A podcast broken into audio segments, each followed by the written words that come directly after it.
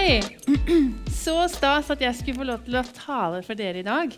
Jeg skal prøve å, til, gjøre det til en litt kort tale.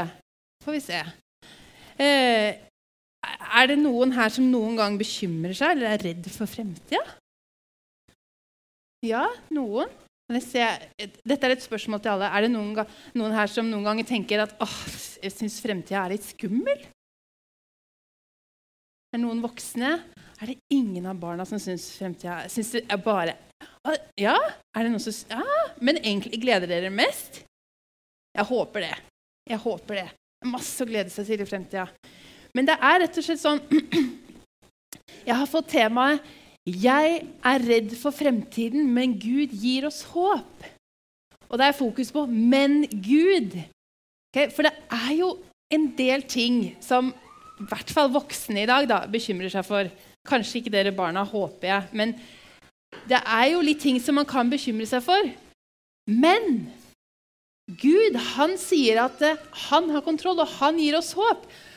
Og Da jeg skulle begynne å planlegge denne talen, så gikk jeg inn på Google og så skrev jeg 'Redd for fremtiden'.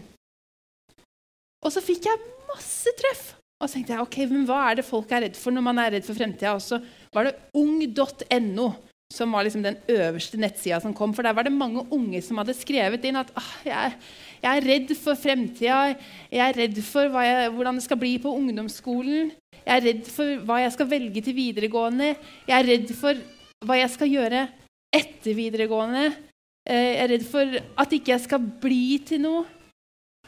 Og så og så tror jeg jo at det, det, var sikkert en del som var litt bekymra da det var koronapandemi. Og så, jo, så hører vi jo masse sånn OK, det er krig i Europa. Og så er det noe sånn eh, Sikkert mange som er bekymra for, for, å bli syke, kanskje. Noen er kanskje redde når de legger seg på kvelden. Eh, noen er kanskje redde for å miste noen de er glad i. Så hvis ikke dere var redde, så så jeg kan bare fortsette, så vinner dere sikkert noe. og dere voksne her, de voksne de er sikkert litt bekymra for onsdag, for da kommer det varslede prishoppet i dagligvarebutikkene. Eh, man må jo begynne å planlegge sin egen eldreomsorg. Renteheving på renteheving. Sant? Det er jo penger og åh, ja. OK. Så vi bekymrer oss jo ofte, og vi gjør det jo. Men men må det være sånn? Bare fordi det er ting å bekymre seg for? Må vi det? Og spørsmålet mitt er ja, Det var første bilde, forresten. Ja. Men spørsmålet mitt er må det være sånn. Må vi gå og være redde? Eller er det sånn at vi som tror på Bibelens Gud, kan stole på at han har verden i sin hulehånd? Og at eh, vi har mer grunn til å ha håp og fred enn bekymring og frykt. For Jesus han sa at vi ikke trenger å bekymre oss for morgendagen. Men hvordan skal vi klare det, da? Hæ? Og i dag så tenkte jeg at vi skulle høre litt om en person i Bibelen som heter David. Ser dere hva han gjør akkurat der? Kom seg akkurat ned før ja, det kom et spyd.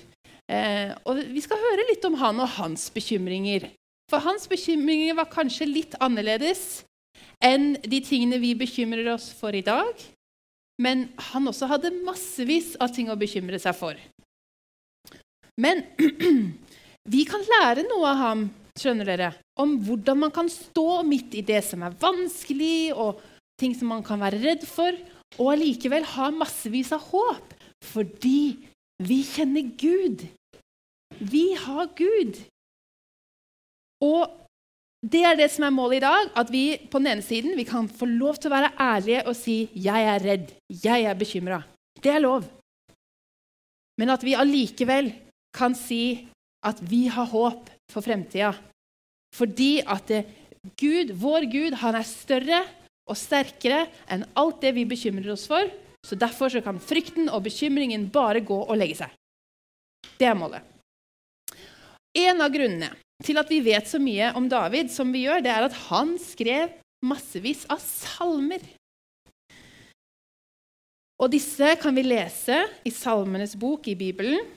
Er det noen som har lest en salme her? Er det noen av barna som har lest salmer? Er det noen som husker noen salmer?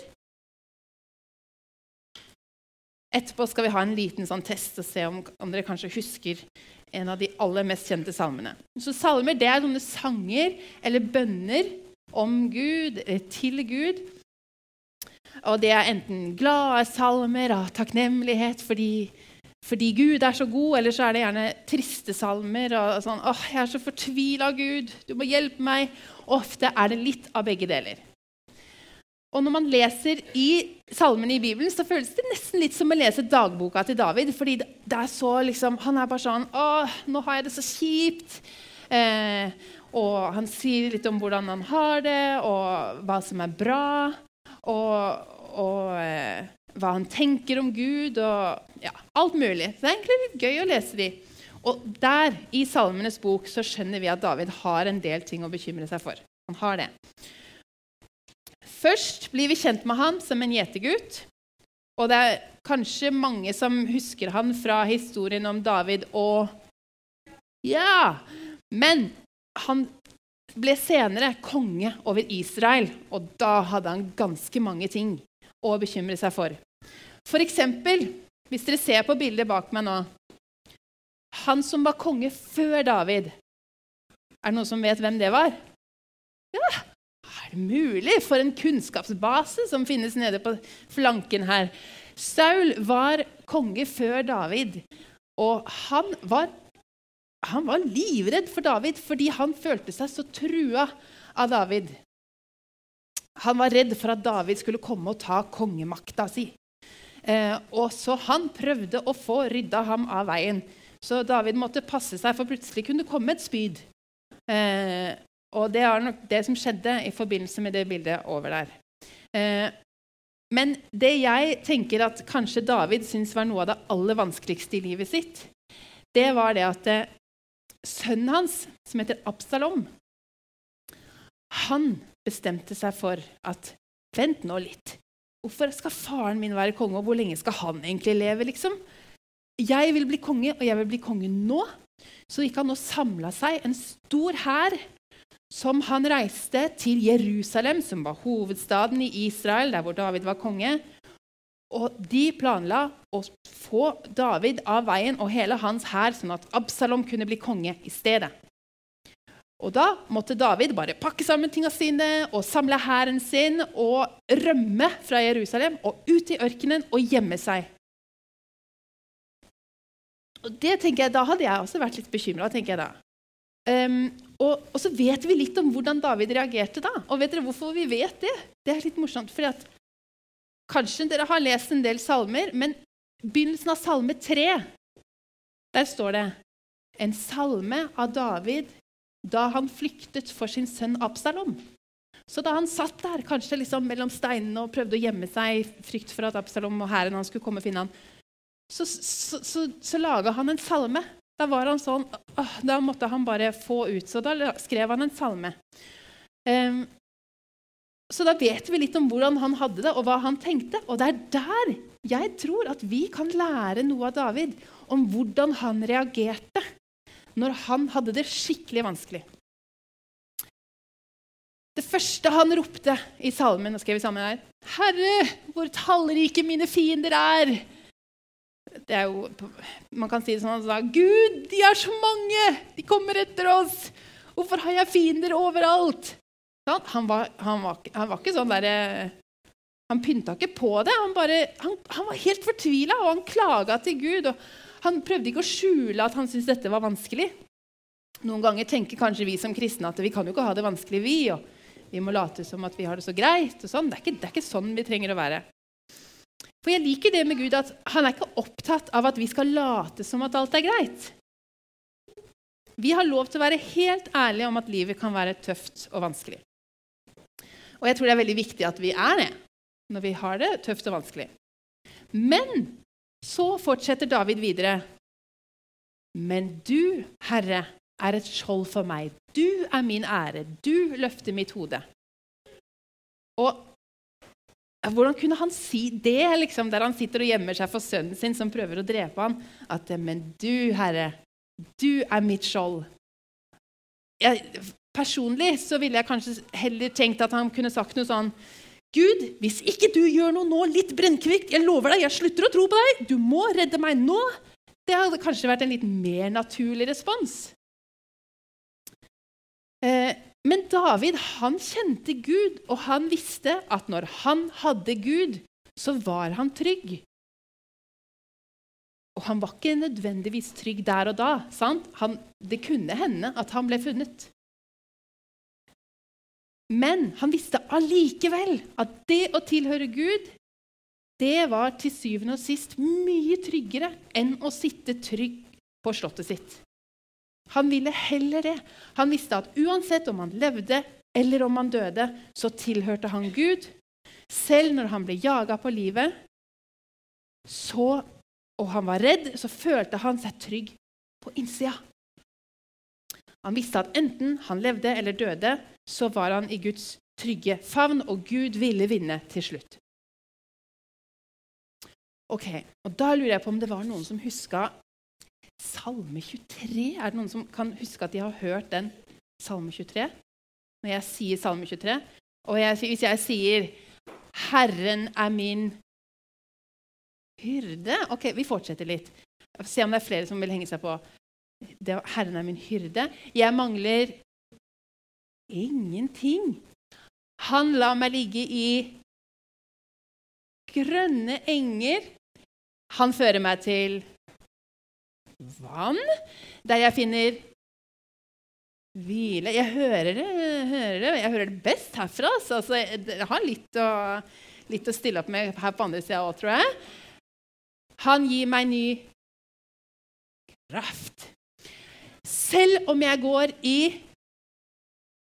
dødsskyggens dal, så frykter jeg ikke for noe vondt. For du er med meg. Mm. Din kjepp og din stav, de trøster meg. Wow, fantastisk! Nå er det kommet en ny oversettelse, så ikke, vi, vi, vi, vi, holder oss litt til den gamle oversettelsen, tror jeg. Det mangler ikke noe, står det. Det var ikke stort, det som sto der.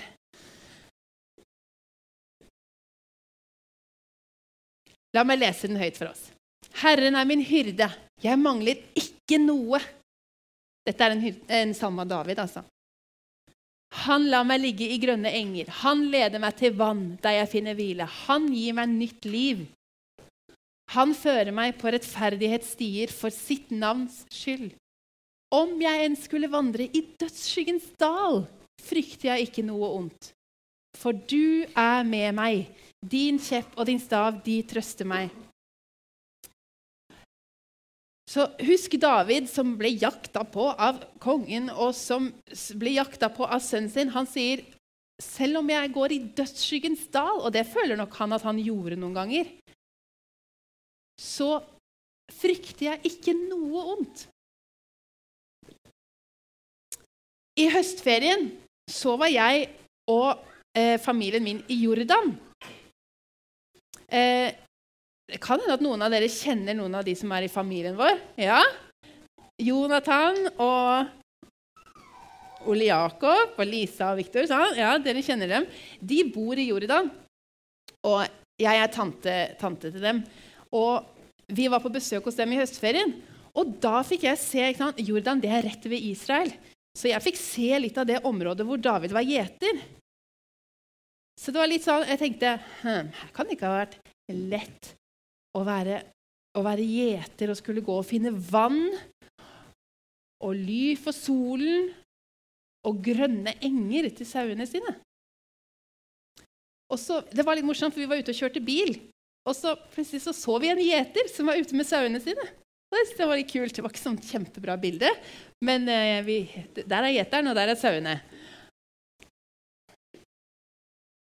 Og i Salme 23 så sammenligner jo David Gud med en god gjeter som klarer å finne vann ikke sant? og grønne enger og hvile til sauene sine og ly for sola.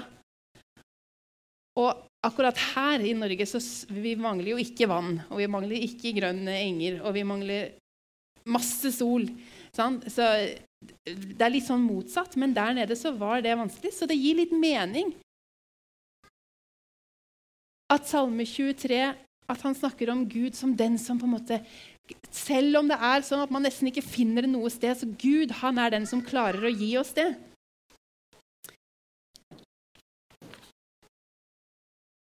Og på samme måte som David mener at Gud kan gi oss så mener han at Gud kan gi oss det vi trenger, selv når vi føler at vi mangler alt, når det ikke er noe grønne enger noe sted, og ikke noe vann, og bare skyer og regn og ikke noe sol. Så det David forteller oss i Salme 23, det er at det, så lenge Gud er den som sørger for meg og viser meg veien, så mangler jeg ingenting. Jeg har faktisk det aller viktigste. Men hvordan kan dette se ut i våre liv, da? Kan vi også klare å ikke bekymre oss når vi ligger der i senga på kvelden og vi er redd for å sove, eller vi er redde for å bli syke, eller vi er redde for skoledagen i morgen, eller sånn? Og jeg har ett eksempel fra mitt eget liv på, på noe som, eh, som var en vanskelig situasjon, hvor vi følte at vi på en måte mangla alt, men at Gud var trøst for oss allikevel. For nå er det nesten fem år sia at vi var gravide med en liten baby. Og så halvveis i, i graviditeten så mista vi den. Jeg har fortalt om her før, så det er mange som vet det. Men, men det, var, det, var, kjempevanskelig for oss. Eh, og så var det noen som spurte meg hvordan kan du tro på Gud når noe sånt her kan skje. Og da svarte jeg at hadde ikke jeg hatt Gud nå, så hadde jeg i hvert fall ikke kommet meg gjennom det her. For der og da, det, jo, det, føltes jo veldig urettferdig og veldig vanskelig. Men når jeg tenkte på det fra Guds perspektiv og prøvde det, så var jo babyen min allerede hos Gud i himmelen. Hvor jeg håper at jeg kan få treffe han en dag. Og jeg visste at mennesker rundt omkring meg opplever jo massevis av vondt. Og både her i Norge og rundt omkring i verden og jeg er jo heller ikke, bare fordi jeg tror på Gud, så kan ikke jeg være beskytta for alt som kan skje.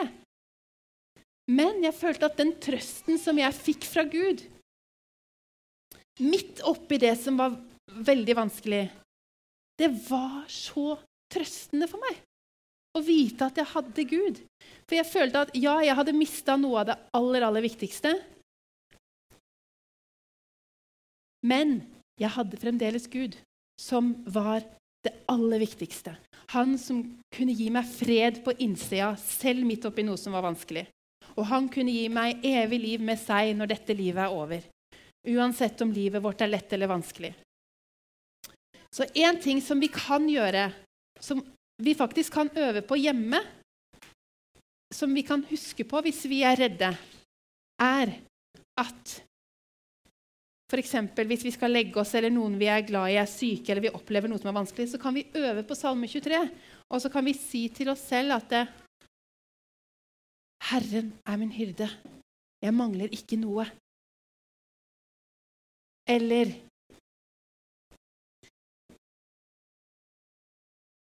Om jeg enn skulle vandre i dødsskyggens dal, frykter jeg ikke for noe ondt og øve på det, sånn at når man kommer i en vanskelig situasjon, så kan man si det og huske det og si det til seg selv. Og mannen min i går, når jeg øvde litt på denne talen til han, så sa han at eh, han husker da han, eh, For han, han, bodde i sentrum, og så var han her på Refil på lørdagskveldene, og det var alltid skummelt å gå forbi kirkegården. Er det noen her som syns det er skummelt, eller skapte jeg nettopp en ny frykt, eller åssen er det? Nei? Hvert fall, Han sa det der hadde vært veldig nyttig å kunne da og bare kunne si til meg selv når jeg gikk der Selv om jeg går i dødsskyggens dal, frykter jeg ikke for noe vondt. Å kunne si det til seg selv, det hadde vært veldig nyttig. Så ta med dere det. Og så si til foreldrene deres at vi må øve på noen av versene i Salme 23. Sånn at hvis dere ligger der på kvelden og ikke får sove og er redd for Jeg skal ikke si hva dere kan være redd for, men eh, sånn Herren er min hyrde, jeg mangler ingenting. Selv om jeg føler at jeg går i dødsskyggens dal, så trenger jeg ikke frykte for noe vondt, for du er med meg, Gud. Din kjepp og din stav, de trøster meg. Og så kan vi jo be Gud om å ta bort det som er vondt. Gud kan ta bort mange ting. Sant? Vi har hørt om at Gud tar bort storm og sykdom, og at han helbreder syke. Vi har hørt om alle de tingene, og Gud kan det fremdeles.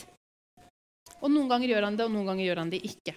Men uansett har han lovet oss at han er med oss, at han går sammen med oss. Og at en dag skal vi få leve sammen med han, og da skal han ta bort alt, alt det onde. Så enten vi frykter for økonomien vår, eller vi frykter for hvordan livet på ungdomsskolen skal bli, eller vi er redd for å bli syke Vit at Gud går ved din side. Han vet akkurat hva du går gjennom, og han vil trøste deg, og han vil gi deg håp. Og Jeg vil avslutte med dette verset fra Jeremia, hvor Gud sier, 'Jeg vet hvilke tanker jeg har med dere', sier Herren fredstanker og ikke ulykkestanker. Jeg vil gi dere fremtid og håp. Nå var dere så flinke til å sitte rolig, altså. Veldig bra. Veldig bra. Da er det neste post på programmet.